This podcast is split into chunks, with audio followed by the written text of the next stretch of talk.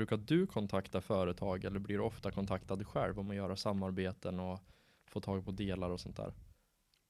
Hur ska jag säga det här på ett ödmjukt sätt då? Nej men, jag, bara, jag "Nej, får ganska... Jag har så jävla mycket följare så att Ja men precis.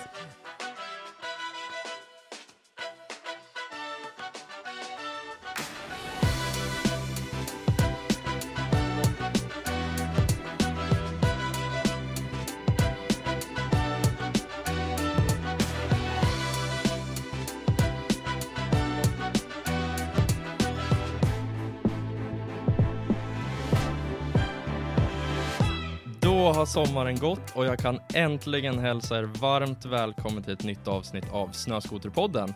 Jag hoppas alla haft en riktigt bra sommar. Det har jag i alla fall och tack vare Oskar Jernberg som var med i avsnitt nummer 6 så fick jag faktiskt chansen att åka och titta på watercross för första gången. Och jag måste säga att det var en av de roligaste sommaraktiviteterna jag har varit på.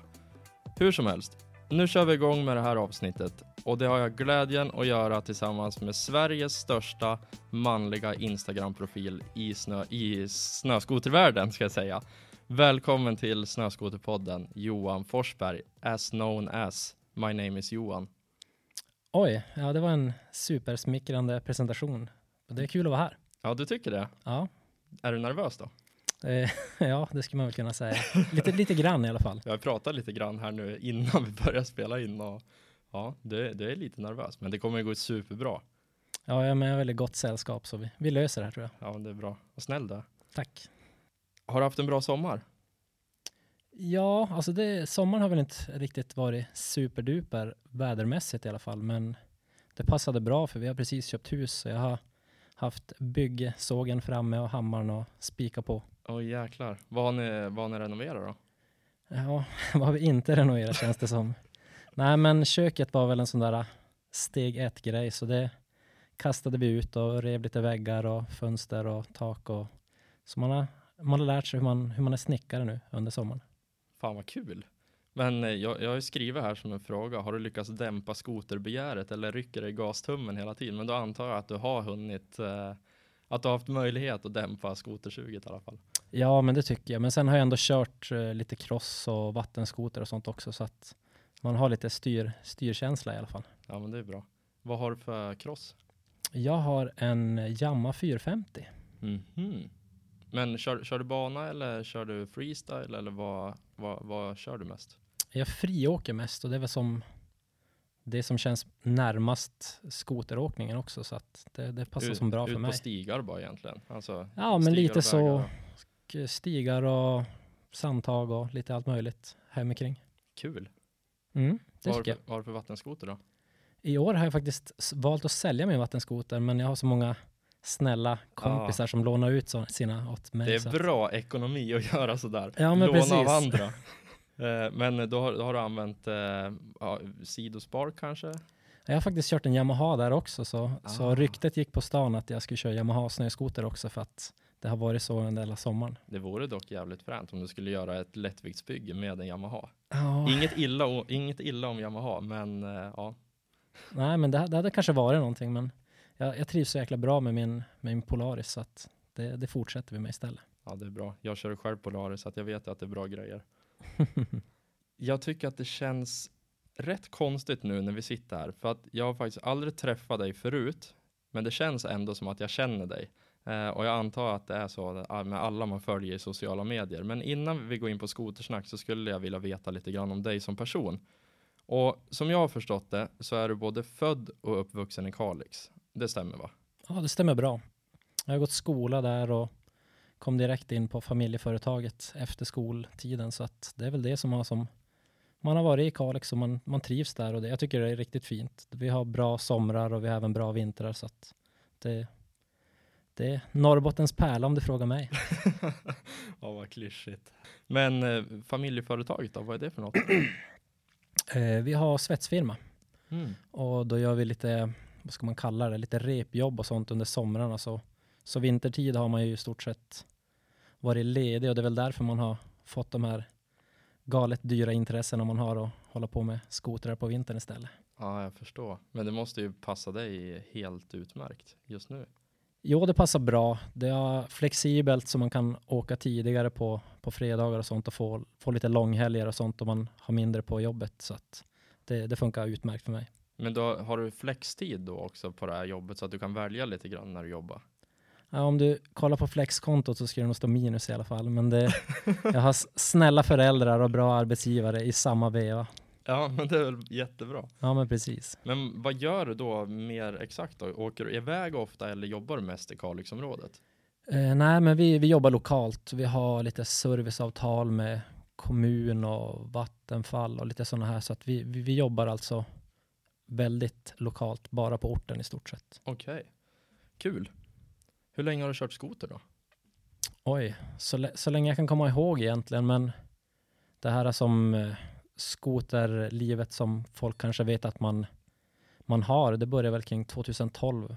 Då fick jag förfrågan om att köra för FXR och ja, det, efter det så bestämde jag för att satsa på riktigt. Och, Vänta nu, en förfrågan. Varför fick du en förfrågan? Nu måste vi backa bandet lite grann här. Vad hände innan? Nej, jag vet faktiskt inte riktigt. Det var, det, var ganska, det var ganska konstigt. Vi gjorde ju inte så mycket just den tiden. Alltså jag hade typ skoterhobby lite grann och vi hade varit med och ja, men, småfilmat lite grann, ett kompisgäng och sådär. Och så fick jag ett mejl och sen efter det så började sagan.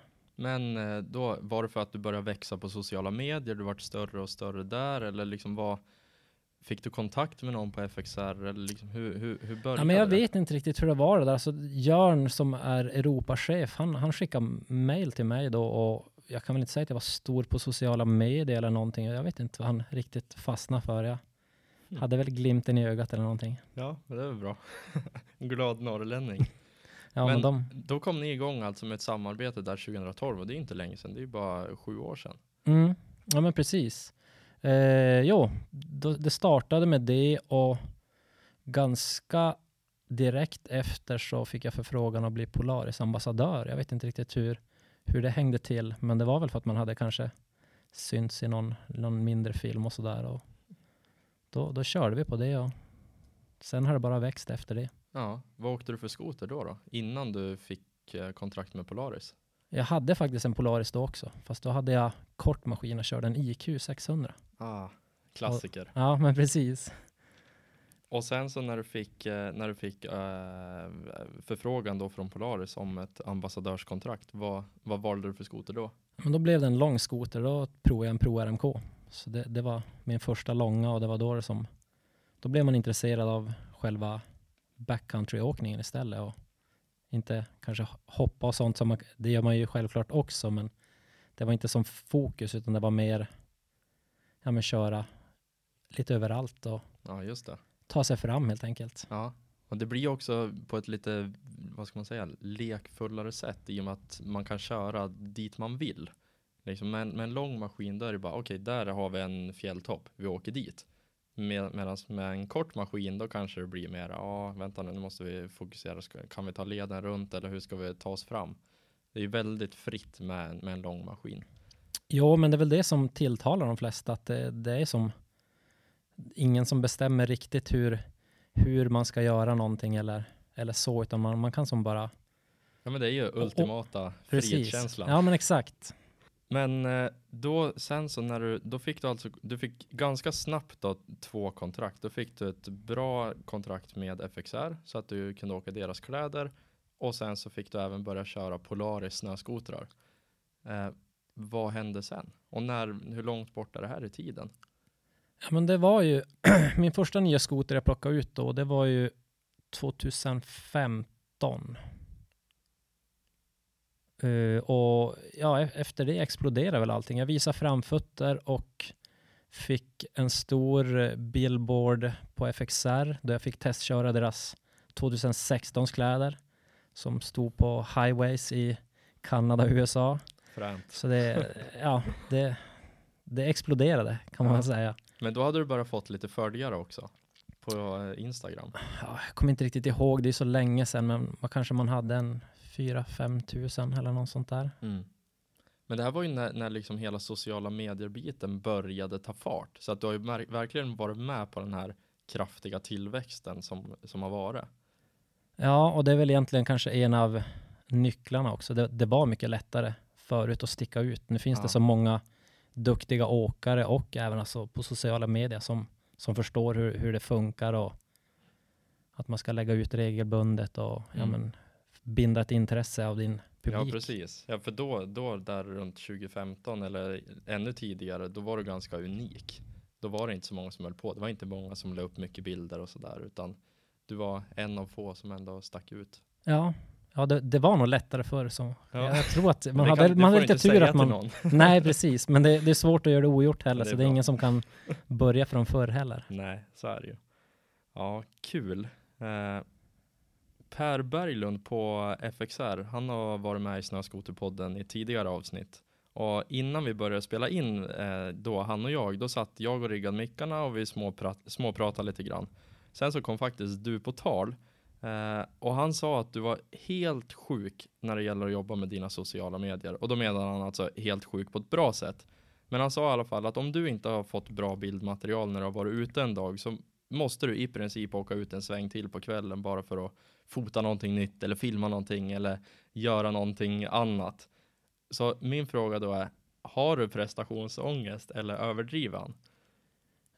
Det ligger väl lite sanning i det, men det är inte prestationsångesten i sig, utan det är väl mer att man, man tar det på största allvar, det här livet man har, man har startat. Så att det, det är klart att man vill leverera.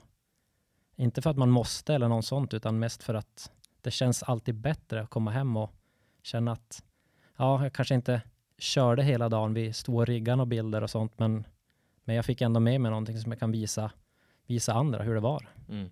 Och det, det gör ju också att du får väldigt mycket möjligheter i och med att du blir en, det är väldigt, eh, du är en bra annonsplats för många företag. Och jag menar, lägger du ut mycket, du syns mycket, du, du syns och hörs lite överallt. Du får ju också många möjligheter till fler dagar på skotern. Ja, men det går väl lite hand i hand. Man, man får ta lite från körtiden och sen ha fler kördagar istället. Så det, det blir väl på något slags sätt lite som du säger. Mm. Ja, det, är, det är superhäftigt och du är ju en av få i, i Sverige som ändå har lyckats bygga ditt konto till den storlek som det är. Och du har, jag tror idag så har du 31 000 följare eh, på, på Instagram och det är, väl, det är väl din främsta kanal som, som jag har förstått det i alla fall. Eh, har du någon utbildning i sociala medier eller är du självlärd från grunden? Utbildning skulle man kanske haft så man, så man var me mediatränad och klarade av sådana här intervjuer. Exakt. Nej, men att eh, nej, men man är väl ganska självlärd och man måste väl kanske försöka hitta sin egen väg på något sätt. Det är många som frågar hur man ska sticka ut eller hur man ska bli stor på sociala medier, men du ska nog egentligen bara vara dig själv och bjuda på dig själv så, så löser det sig om man är en sån intressant person. Ja, och det är du. Ja, jag får väl hoppas det i alla fall. Nej, men eh, följarna har ju hängt kvar så, så något rätt har man gjort. Jag vet inte. Ja men helt klart. Alltså du har ju en speciell stil. Det är ju alltid de färggladaste kläderna, de skrikigaste dekalkitten. Det går ju inte att missta dig för att vara någon annan. I alla fall, det, det är så som jag tycker. Eh, och det har ju verkligen gett resultat nu, några år senare. Mm. Ja, men det är väl en av grejerna som att man har byggt sin egen, sin egen väg och att, att man har stuckit ut. Så att det, det är klart att det har gynnat mig att man, man inte har varit en av alla med svartvita kläder eller en diskret skoter. Och, Typ Bara- mig. Jag har alltid åkt svartvita kläder och en diskret skoter. ja, men du kanske, du kanske inte har samma, samma mål i livet som, som jag har. Nej, det är väl så eh, hur finansierar du din körning då? För ibland när man följer dig på sociala medier, det känns ju som att du är ute och kör skoter nästan varje dag. Det är ju, du uppdaterar Instagram, Insta-stories och det händer ju väldigt mycket hos dig. Och det gör att det framstår som att du lever värsta drömlivet. Men hur, hur går det ihop rent ekonomiskt? Ja, det är väl mitt drömliv i alla fall, men eh, köra varje dag i veckan, det gör man ju definitivt inte. Jag jobbar på vintern någonstans kring 40-50 procent kanske om du slår ut det på ett år. Så jag får ihop ungefär en, en bra vinter, 100 kördagar. Av de 100 så har jag kanske två veckor utomlands någonstans. Så, så det, det blir mycket skoter, så är det. mycket skoter och mycket garage och det snurrar i huvudet ständigt, skoterintresset. Ja, men det är väl jätteroligt. Det är väl ett, det är väl ett drömliv av rang. Ja, men det tycker jag väl och det är väl det som är lite, alltså livsstilen i sig. Alltså det är inte bara köpa en skoter och åka ut och hänga utan man, man tänker, lever och gör det dygnet runt på ett eller annat sätt. Ja, men det har ju, det har ju blivit en business för din del. För jag menar, nu när du har, du har ett stort Instagramkonto, du syns och hörs lite överallt. Du är en bra annonsplats. Det gör ju också att du kan få mycket av din skoterkörning finansierad. Du behöver ju kanske inte betala kläder och du behöver ju kanske inte betala delar. Nu sitter, nu sitter du och flinar här. Oj, ja, det där med pengar, det är som svårt att säga någonting om. Men eh, nej, jag betalar väl kanske egentligen inte som alla andra gör.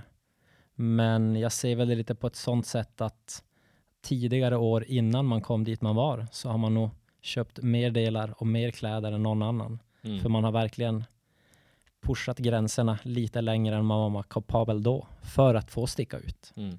Så det är väl nu kanske det börjar gå jämnt upp istället för extremt back. Ja, ja men det, det är ju så. Man måste ju satsa för att vinna och det, nej, det, det är väldigt roligt. Jag är sjukt imponerad av din, vad ska man säga, inbyggda talang och sticka ut och synas.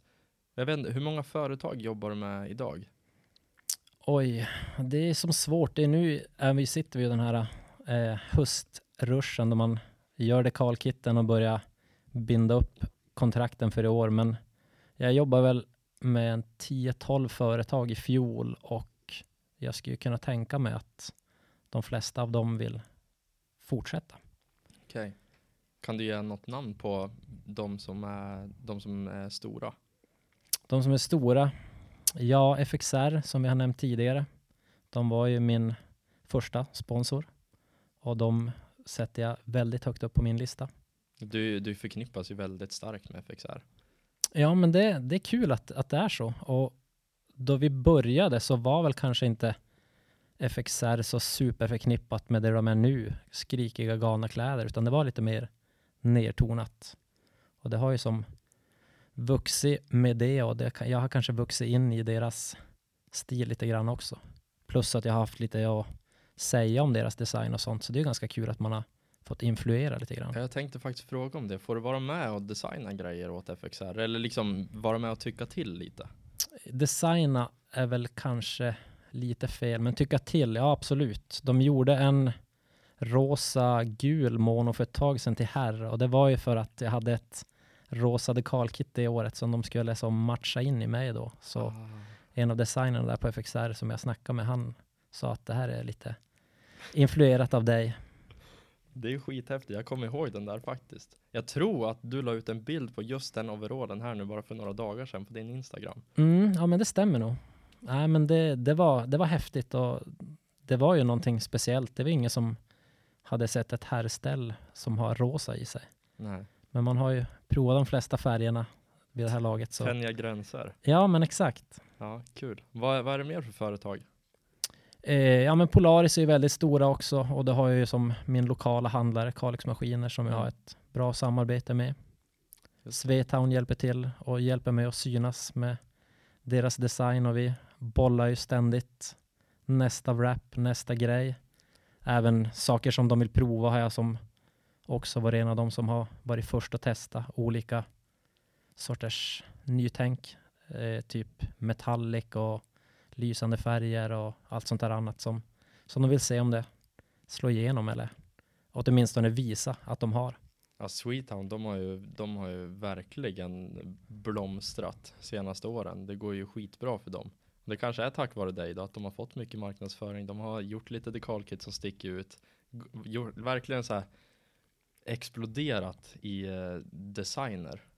Eh, och det, kan, det, kanske är, det kanske är mycket tack vare dig.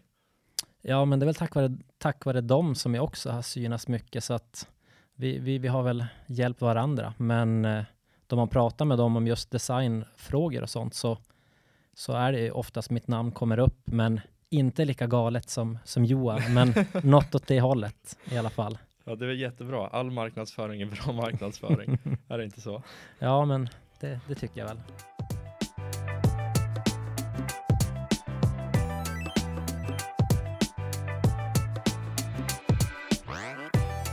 Av alla åkare i Sverige som jag känner till så gör ju du de absolut sjukaste byggena. Både sett till arbetsinsats, typ korta tunnlar och ja, allt vad det är. Och även sett till byggkostnad. Och för att nämna några prylar eh, så har du dämpare för ungefär 15 000, fotsteg för 10 000, boggeskenor av kolfiber, sen har du bytt en hel del bultar till titan som också är svindyrt, plus massa annat. Och bara av de här få grejerna så är vi redan uppe i 50 000 spänn bara i ren byggkostnad för delarna.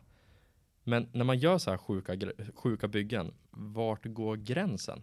Drar man något streck eller liksom vad är det som begränsar? Ja, det syftar väl lite grann på förra årets bygge och jag tror ju att byggkostnaden låg någonstans på 200 000 i delar. Och det har väl egentligen att göra med att det var en dålig start på säsongen och man satt i garaget och funderade på om det skulle dra igång eller om vi skulle bygga vidare på något annat. Det var egentligen inte så planerat att det skulle, skulle bli så där, men det ena ledde till det andra och sen har jag även testat Chris Brants eh, lättviktsbygge, så det var ju ah, en grej som man tänkte att det hade varit coolt att ha en sån. Ja. ja, du är ensam i Sverige om att göra ett sånt extremt bygge. Ja, men det känns som att det börjar vara lite på gång och jag har haft många som har frågat i mycket kolfibergrejer och sånt där och jag tror att det, det, det känns som att det, det, är någonting som, det är nog nästa grej. Men är det någon fördel då? Känner man skillnad eller försöker du sälja in det här nu bara? Nej, jag tycker det är otroligt stor skillnad. I fjol hade jag en stockskoter plus mitt lättviktsbygge. Och det är verkligen dag och natt. Alltså det, det är jättestor skillnad. Vad är det som skiljer mest då? Ja, men det... Är bara vikten. Ja, ja men typ. men, tänk dig själv att bära på en, en ryggsäck som väger 10 kilo, så ska du springa någonstans och så tar du av den och fortsätter springa. Det, mm. det känns, det lovar jag. Lättare att eh, göra skidres och vändningar och liksom vad, vad, var, vart märker du störst skillnad körmässigt?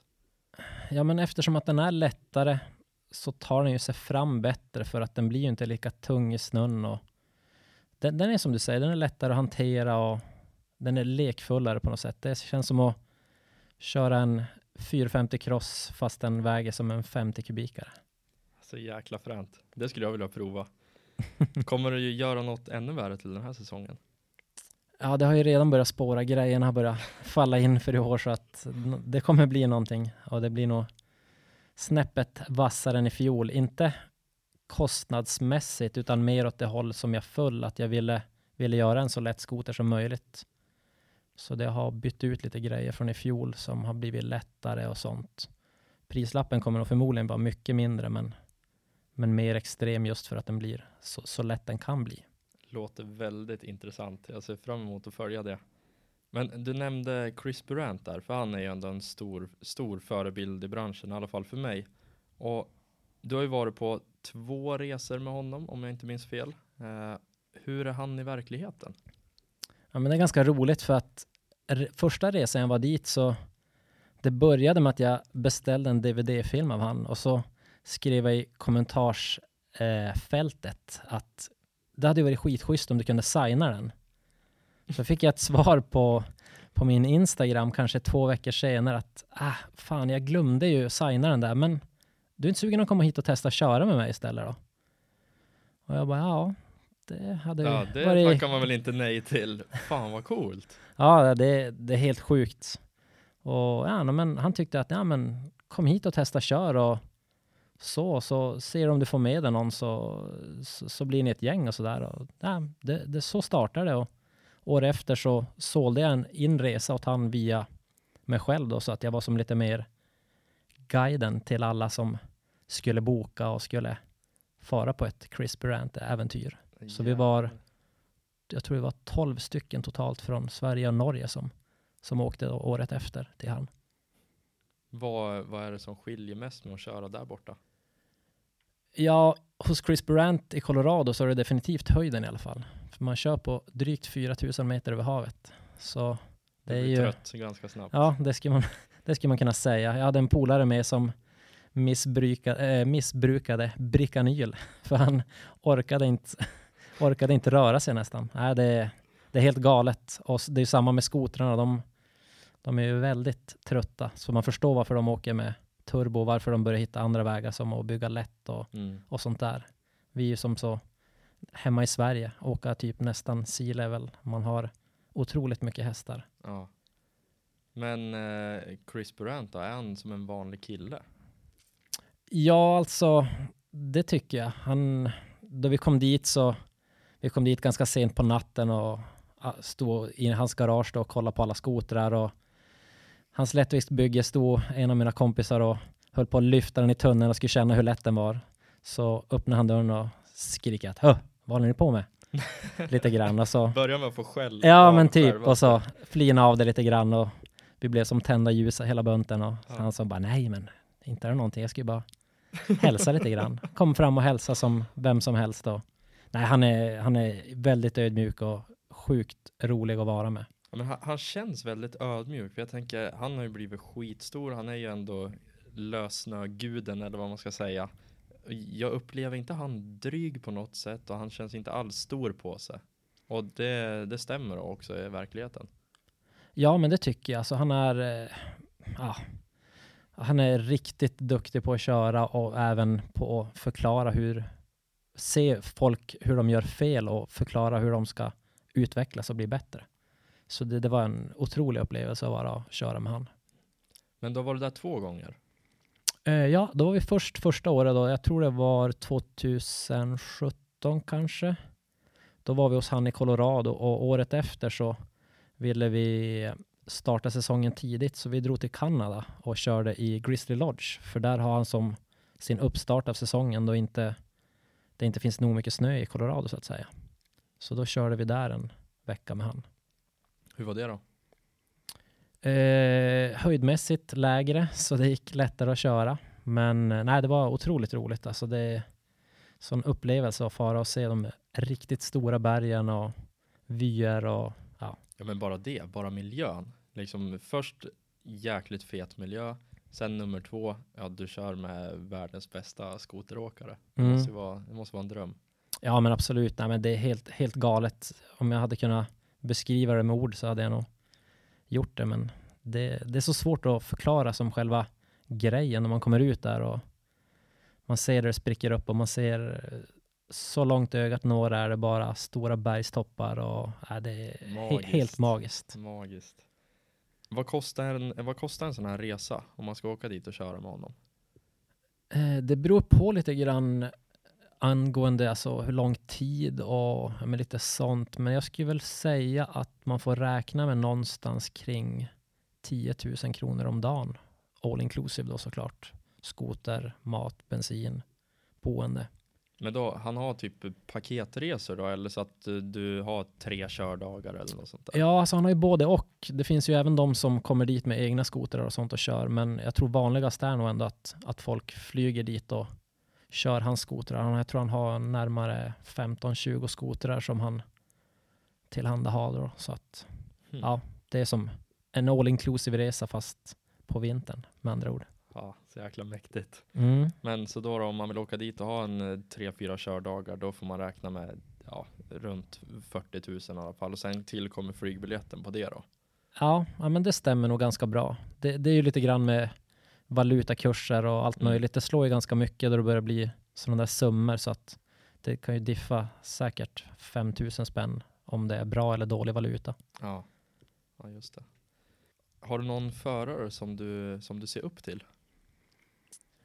Ja, Chris Durant var väl en av dem höll jag på att säga, eller är fortfarande. Jag pratade om han precis. Ja, men precis. Nej, men alltså det, det är ju så. Alltså man, man, han är ju en av dem som, som, som är världsledande inom, inom den här branschen och det är ju hans, hans sätt att köra som, som tilltalar mig i alla fall. Att Ja, han, just, han är ju guden. ja, men precis.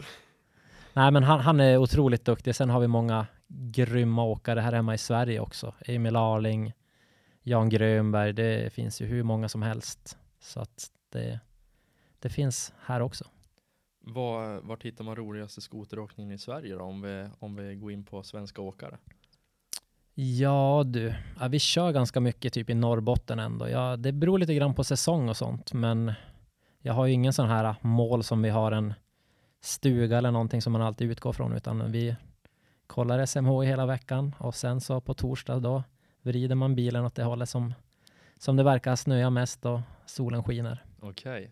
Men då är det, kan du nämna några fjäll som det brukar vara att åka i? Ja, men vi är ganska mycket, åtminstone på pudersäsongen eller vad man ska säga, då åker vi ganska mycket kring Arvidsjaur, det tycker jag. Mm. Men Det- det... har jag hört ska vara jäkligt bra. Ja, det finns, det finns mycket, massa olika, Arvidsjaur, Arjeplog, däromkring. Där finns det riktigt bra trädåkning. Och sen då? Ja, våren då, då vrider man ju mot de stora fjällen och slush och snöskottning, höll jag på att säga, hoppa, hoppskottning. Så Ja, att eh, då blir det Riksgränsen och Vågashol Det beror lite grann också där på vem som har bäst snön. Hur långt har du dit ungefär? Du bodde i Kalix. Eh, till Riksgränsen har vi väl någonstans kring fem timmar kanske. Det blir ändå lite, alltså många mil i bil och timmar. Det blir mycket tid. Ja, men man har ju ett brinnande intresse så det är ju ingen som stoppar en. Vi åker över dagen till Riksgränsen ibland på våren. Så Åh att, helskotta, har man- fem timmar enkel väg och sen åker ni över dagen. mm. Ja, ja det, det är kaxigt. Jäkligt kaxigt. Ja, men det är väl samma som att åka till Burant. Sitta på ett flyg i 24 timmar för att köra tre dagar. Ja, Det, det, ja, det är ju så. Det är för att det är så fruktansvärt roligt. ja men precis. Skulle du kunna ge någon eh, inside-info om vintern som kommer? Alltså jag menar, kommer ett eh, My Name Is Johan-event eller får vi se ett bygge med tvåtaktsturbo? Alltså jag, om jag ska vara riktigt ärlig så har jag inte hunnit tänka så mycket på det. Alltså man är ju som nu i den här planeringsstadiet och jag har varken bokat en resa, eh, visst några delar har kommit men ingen, ingen turbo i, i de, de paketen i alla fall. Så att det får vi vänta och se vad, vad framtiden har att erbjuda. Okej, så du tar det lite grann på volley då, ju närmare vintern kommer?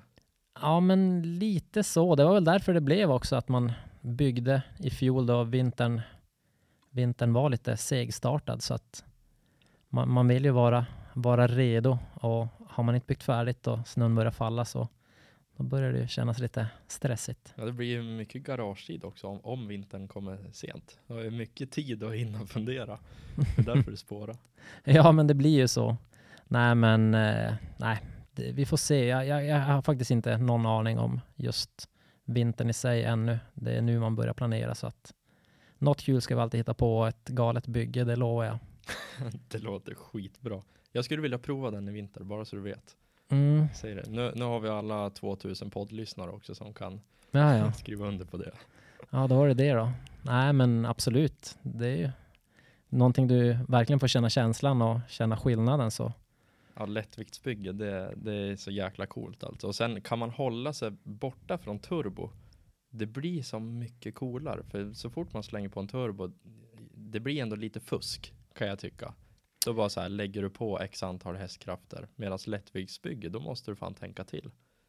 Ja, men det, det är det som man tappar själva grejen. Om man ska bygga lätt och sen stoppa på en turbo, då är man ju tillbaka på, på ruta ett. Då är man ju på noll nästan på vikten i alla fall. Så Mm. att vi är, här hemma har ju ändå en 850 som nästan de flesta motorer är nu oavsett märke. De har ju riktigt mycket att åka med så att trim det är egentligen lite, lite lyxigt. Det är Mm. inte där det sitter. När, du- när du gör sådana här byggen, brukar du kontakta företag eller blir du ofta kontaktad själv om att göra samarbeten och få tag på delar och sånt där? Hur ska jag säga det här på ett ödmjukt sätt då? Nej men, jag, jag "Nej, får fan, ganska... Jag har så jävla mycket följare så att. Ja, men Nej, precis. skojar. Nej, men jag får ganska många förfrågningar, så är det ju bara. Och sen så, så har jag ju haft långtids eh, eh, tänk med alla som jag samarbetar med. Det är inte så att jag hoppar runt och, och tar guld och gröna skogar över ett, eh, ett längre samarbete med någon. Så att det är oftast samma företag man jobbar med, men att man bollar lite grann hur, vad för grejer som som hade passat till just det man är ute efter och Mm. sådär. Så att, Jag, tror att det är en, jag tror att det är en väldigt bra strategi för det blir som växer, växer företaget du jobbar med så kommer ju också du få fler förutsättningar och har du varit med länge då är ju de mer villiga att investera i dig också. Så om man kollar på till, till exempel FXR, har du varit med från början när de börjar bli stor det är ju också lättare att du får fortsätta, du har mer att säga till om, du blir en mer självklar spelare. Det är inte bara så att de slänger på en overall och sen så hörs vi aldrig något mer. Utan det blir ju, det blir ett roligare samarbete tror jag. ja, men man får ju lite den här samhörighetskänslan och lite familjekänslan. Speciellt FXR som är så, så otroligt litet egentligen. De har inte så, så jättestor eh, lokal eller sådana som jobbar där och sånt. Alltså, de är inte jättemånga. Så det känns ändå så familjärt och ja, men man får mejl av nästan alla från kontoret mer eller mindre och sånt. Så att det känns ju också som att man, man, man ger och tar på ett annat sätt. Alltså, jämfört med att söka pengarna och det bästa kontraktet. Utan man, det har jag säkert ändå. Ja. Så att vi ska väl inte säga så. Och man kan ju inte säga åt Per heller att på FXR då att nej, jag kommer alltid vara nöjd med det här. Han måste ju också ja, exakt. bjuda till. Vi säger det här som en liten hint till Per att Johan vill ha en mycket bättre deal till nästa säsong. ja, nej. Jag och Per kommer bra överens så att jag tror att vi, vi löser det där oavsett.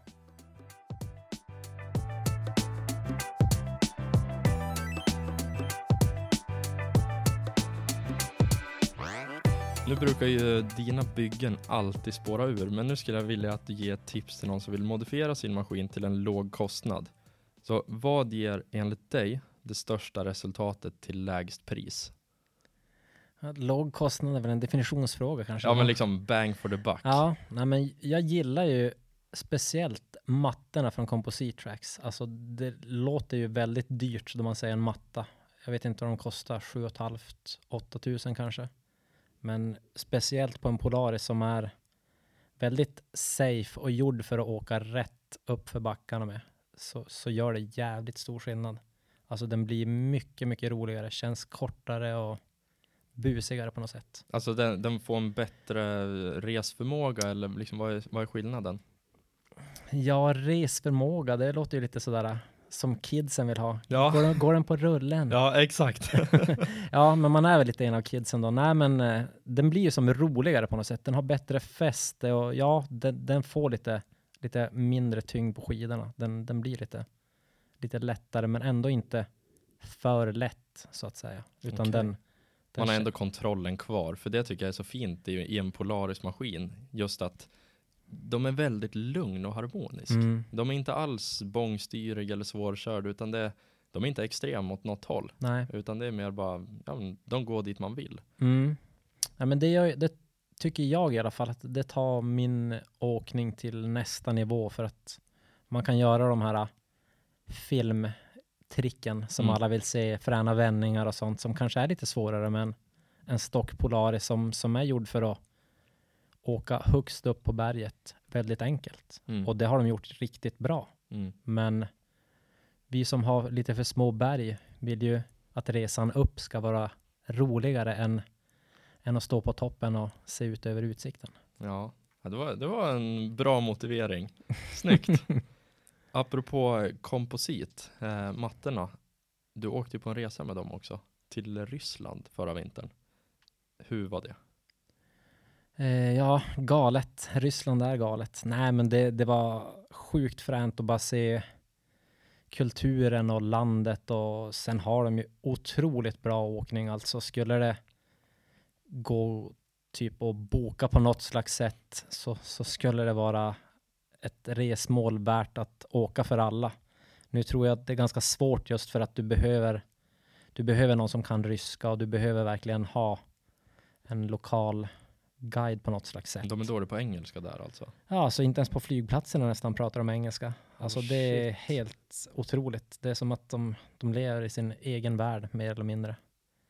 Ja, det är helt sjukt, det tror man ju inte 2019. Nej, nej men absolut inte. Jag menar, de har ju haft fotbolls-VM nyss och allt sånt där. Jag förstår inte riktigt hur det, alltså hur, hur, hur, hur går det? Ja. Hur klarar de sig? Nej, men för hotellet vi bodde på då vi var i Ryssland så jag tror ju att ingen av dem som jobbade där kunde engelska utan de pekade med händerna när de skulle göra någonting eller om vi, det var någon skogräns man hade passerat och Det är sådär. helt Och det, ja, verkligen. Men hur, liksom, åkmässigt då? Är det, är det, det såg, på bilderna såg det ju väldigt likt ut som Kanada.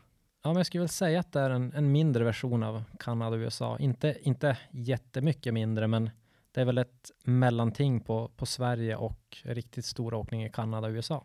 Okej.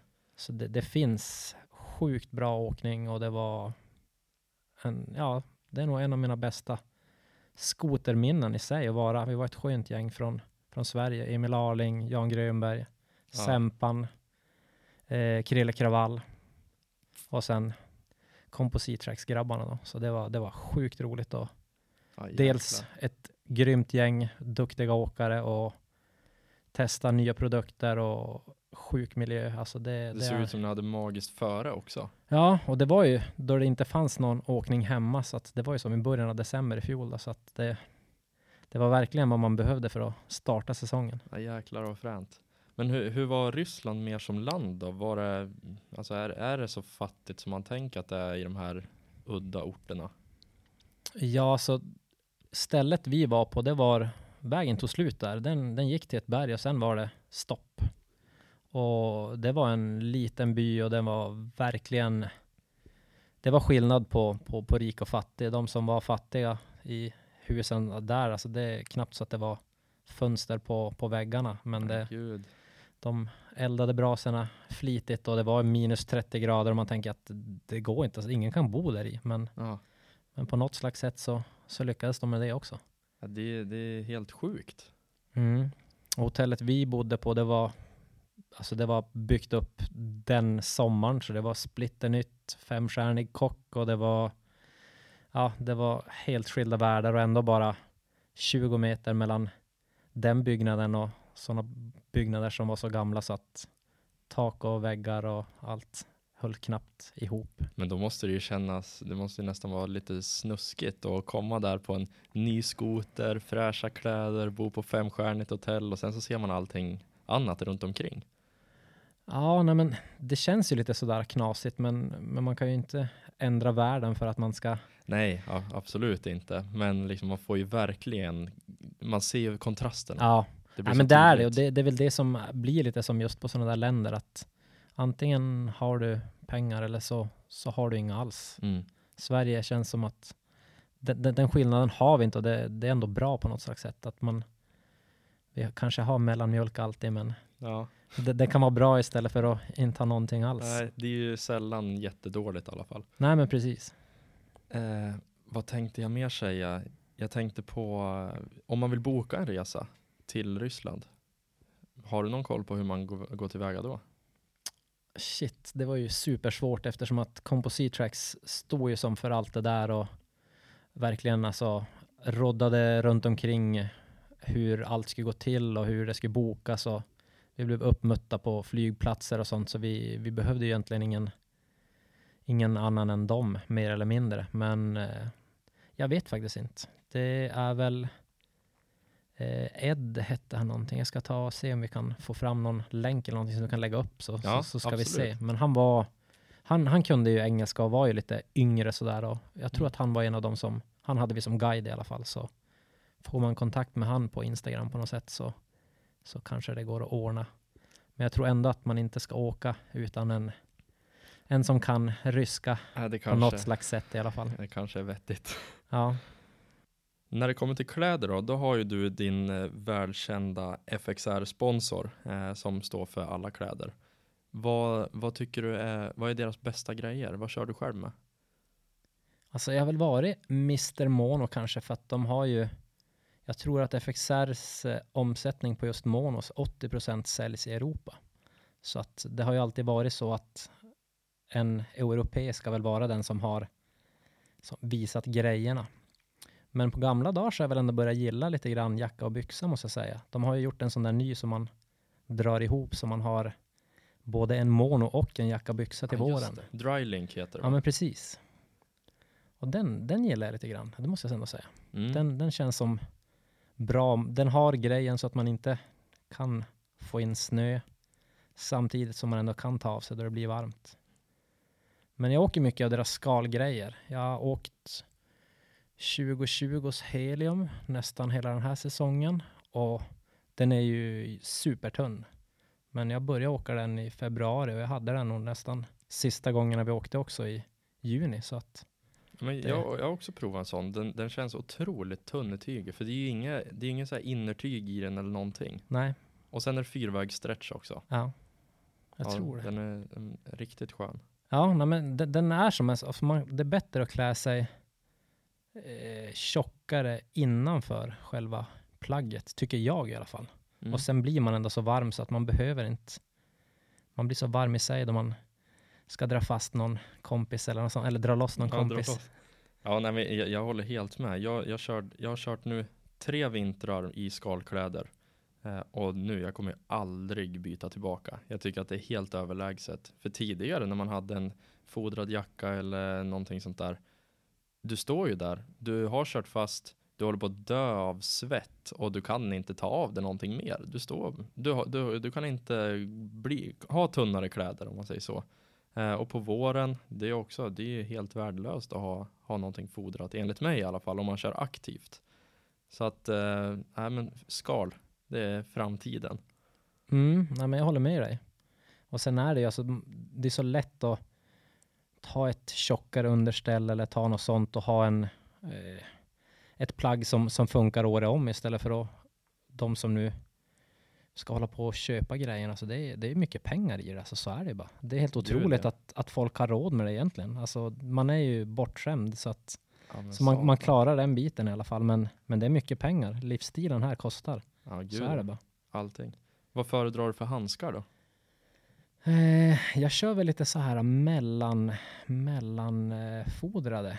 De har ju så många olika, men jag har aldrig kommit riktigt överens i tjocka, för de, de har man för lite känsla i styret och supertunna. Jag är lite för, för kall om händerna för dem, så, att, Mm. så jag vill ha något så här lite mitt emellan, så man ändå, ändå får lite, lite värme. Skor då? Eh, De har ju ett par eh, skor som är utan innersko och de blir supersmidiga. Så de, de kör jag. Jag är lite dålig på namn och sånt vad de heter, men jag tror det är, Jag tror de heter Helium, Helium Light. ja det, det kan nog stämma. Det, Visst är det de som är, de är lite högre också? I, ja, liksom, exakt, exakt de är det. Och de, de känns, jag provade med uttagbar sko och det var väl lite, lite gammalt tänk kan jag tänka mig. Alltså, för man behöver inte det. det. Den blir så mycket större utvändigt. Det blir nästan en storlek till. Så man vill hålla den smidig och, och, och tight. Ja, men det, det blir ju lätt att det blir för varmt också. Om du har en, har en innersko. ja, men jag. Det blir exakt. som dubbla lager. Precis så är det ju. Nej, men, nej, men jag, jag gillar att ha sådär lite halvtunna kläder så man nästan får frysa första kvarten till man kommer in i det och sen så, sen så, sen så klarar man sig hela dagen. Det, ja, det är lite så det är. Då får man, slipper man kämpa igenom hela dagen och vara för varm istället. Mm. Jag, jag håller helt med. Men sen tänkte jag på glasögon. FXR, de har ju ett par som heter Pilot, om jag inte minns fel. Ja, och det de är var väl enkellins. precis. Hur Ja, funkar de, det? de var nya från i fjol och jag var ju lite sådär skeptisk måste jag väl ändå säga. Men jag har aldrig haft ett par googlar på mig så mycket utan att imma som dem av någon konstig anledning. Det går inte ihop. Det går ju emot naturens goggellagar. Ja, nej men precis. Man har ju ändå provat det mesta, det måste jag ändå säga. Alltså jag har testat eluppvärmda och med fläkt och lite allt möjligt. Men singellins av någon anledning är, är koden. Men de måste ju ha jättebra sån här, vad heter det, antifog coating. Ja, jag tror det är något sånt som är ba- hemligheten bakom allt i alla fall. Men hjälm då? Då kör du också en FXR? Yes, eh, jag åker med deras heliumhjälm nu och det är väl lite nytt. Jag, jag har alltid varit en sån som har, som har gillat de här ah, billigare just för ja, men lite färg och lite snyggare design och sånt. Men, men då jag tog på mig den där, ah, deras nya helium då som, som väger just under ett kilo. Så, så då, var, då vart jag hooked. Det, den är riktigt skön. Men det är så fruktansvärt lätt. Ja, nej men det, det, alltså man känner ju typ, speciellt i början av säsongen, alltså då man har åkt och har en tyngre hjälm och man har lite ont i nacken och sådär, att man är inte van att bära på så mycket på, på huvudet. Så, så, så det är otroligt skönt att få en lättare hjälm. Det, det är en av de bästa grejerna de har släppt i år, förutom kanske de här magiska pilotbrillorna. Ja, och i kombination med varann, då jäklar. Ja, men precis. Nej, de är, det är helt sjukt att en singellins kan, kan funka så där pass bra. Det trodde jag inte då jag testade dem för första gången. Nej, det, det är skitcoolt. Och sen då, den här heliumhjälmen, den är då gjord av kolfiber. Eh, oj, ja, det, det ser ut som kolfiber i alla fall. Ja, Så- jag, om jag, det tror, jag tror inte att det är kolfiber. Ja, ja, det kan stämma. Så den kan jag varmt rekommendera. Du, nu har vi snart spelat in i en timme. Hur tycker du att det har känts? Ja, men det har varit trevligt. Det gick bättre än, än jag tänkte och ändå började flyta på bra så att Ja, vi, du- kör, vi, vi kör en timme till. Ja, exakt. Du var, du var ju fett nervös, men jag tyckte att det, det släppte ju bara efter någon minut. Mm, ja, men det får man börja prata skoter och sånt. Då, ja, exakt. då, Då då, då, då vet man, ja precis. Då är man bekväm igen. Ja. Om man skulle vilja komma i kontakt med dig, hur gör man då? Ja, men det absolut enklaste är väl att skriva typ på Instagram ett meddelande eller en kommentar eller något sånt så, så tar man det därifrån. Det, det tycker jag. Skulle du vilja säga något som jag inte har frågat om? Oj, det är nu jag ska ha något jättefint att säga men tyvärr, jag tycker vi har pratat om ganska mycket och sådär. Så att, Ja, det har blivit brett. Jag pratar om allt från eh, uppväxt och vart du är född, vart du bor, du bor i hus, du renoverar hela sommaren till eh, feta skoterbyggen och resor. mm, Jag tycker vi har fått med rätt mycket. ja, men det är väl My name is Johan i ett nötskal kanske. Mycket sånt. Vem tycker att jag ska intervjua? Jag tycker att du har tagit en bra start med sådana som man har velat höra berättelsen av. Ellas gillar jag otroligt mycket. Men Mm. sen eh, Rasmus Johansson, hans X-Games-äventyr hade varit spännande. Och, Ja, verkligen. Han Höra lite om. listan. eh, Emil Arling, absolut. Han är sån skön lirare och definitivt en av de bästa i Sverige på att åka också. Så han hade varit kul att få några minuter med. Ja, han är så jäkla rolig, Emil. Mm. Han är en unik individ. Johan Forsberg, eh, tack så jättemycket för att du ville vara med i Snöskoterpodden. Ja, det var kul att få vara med. Otroligt roligt.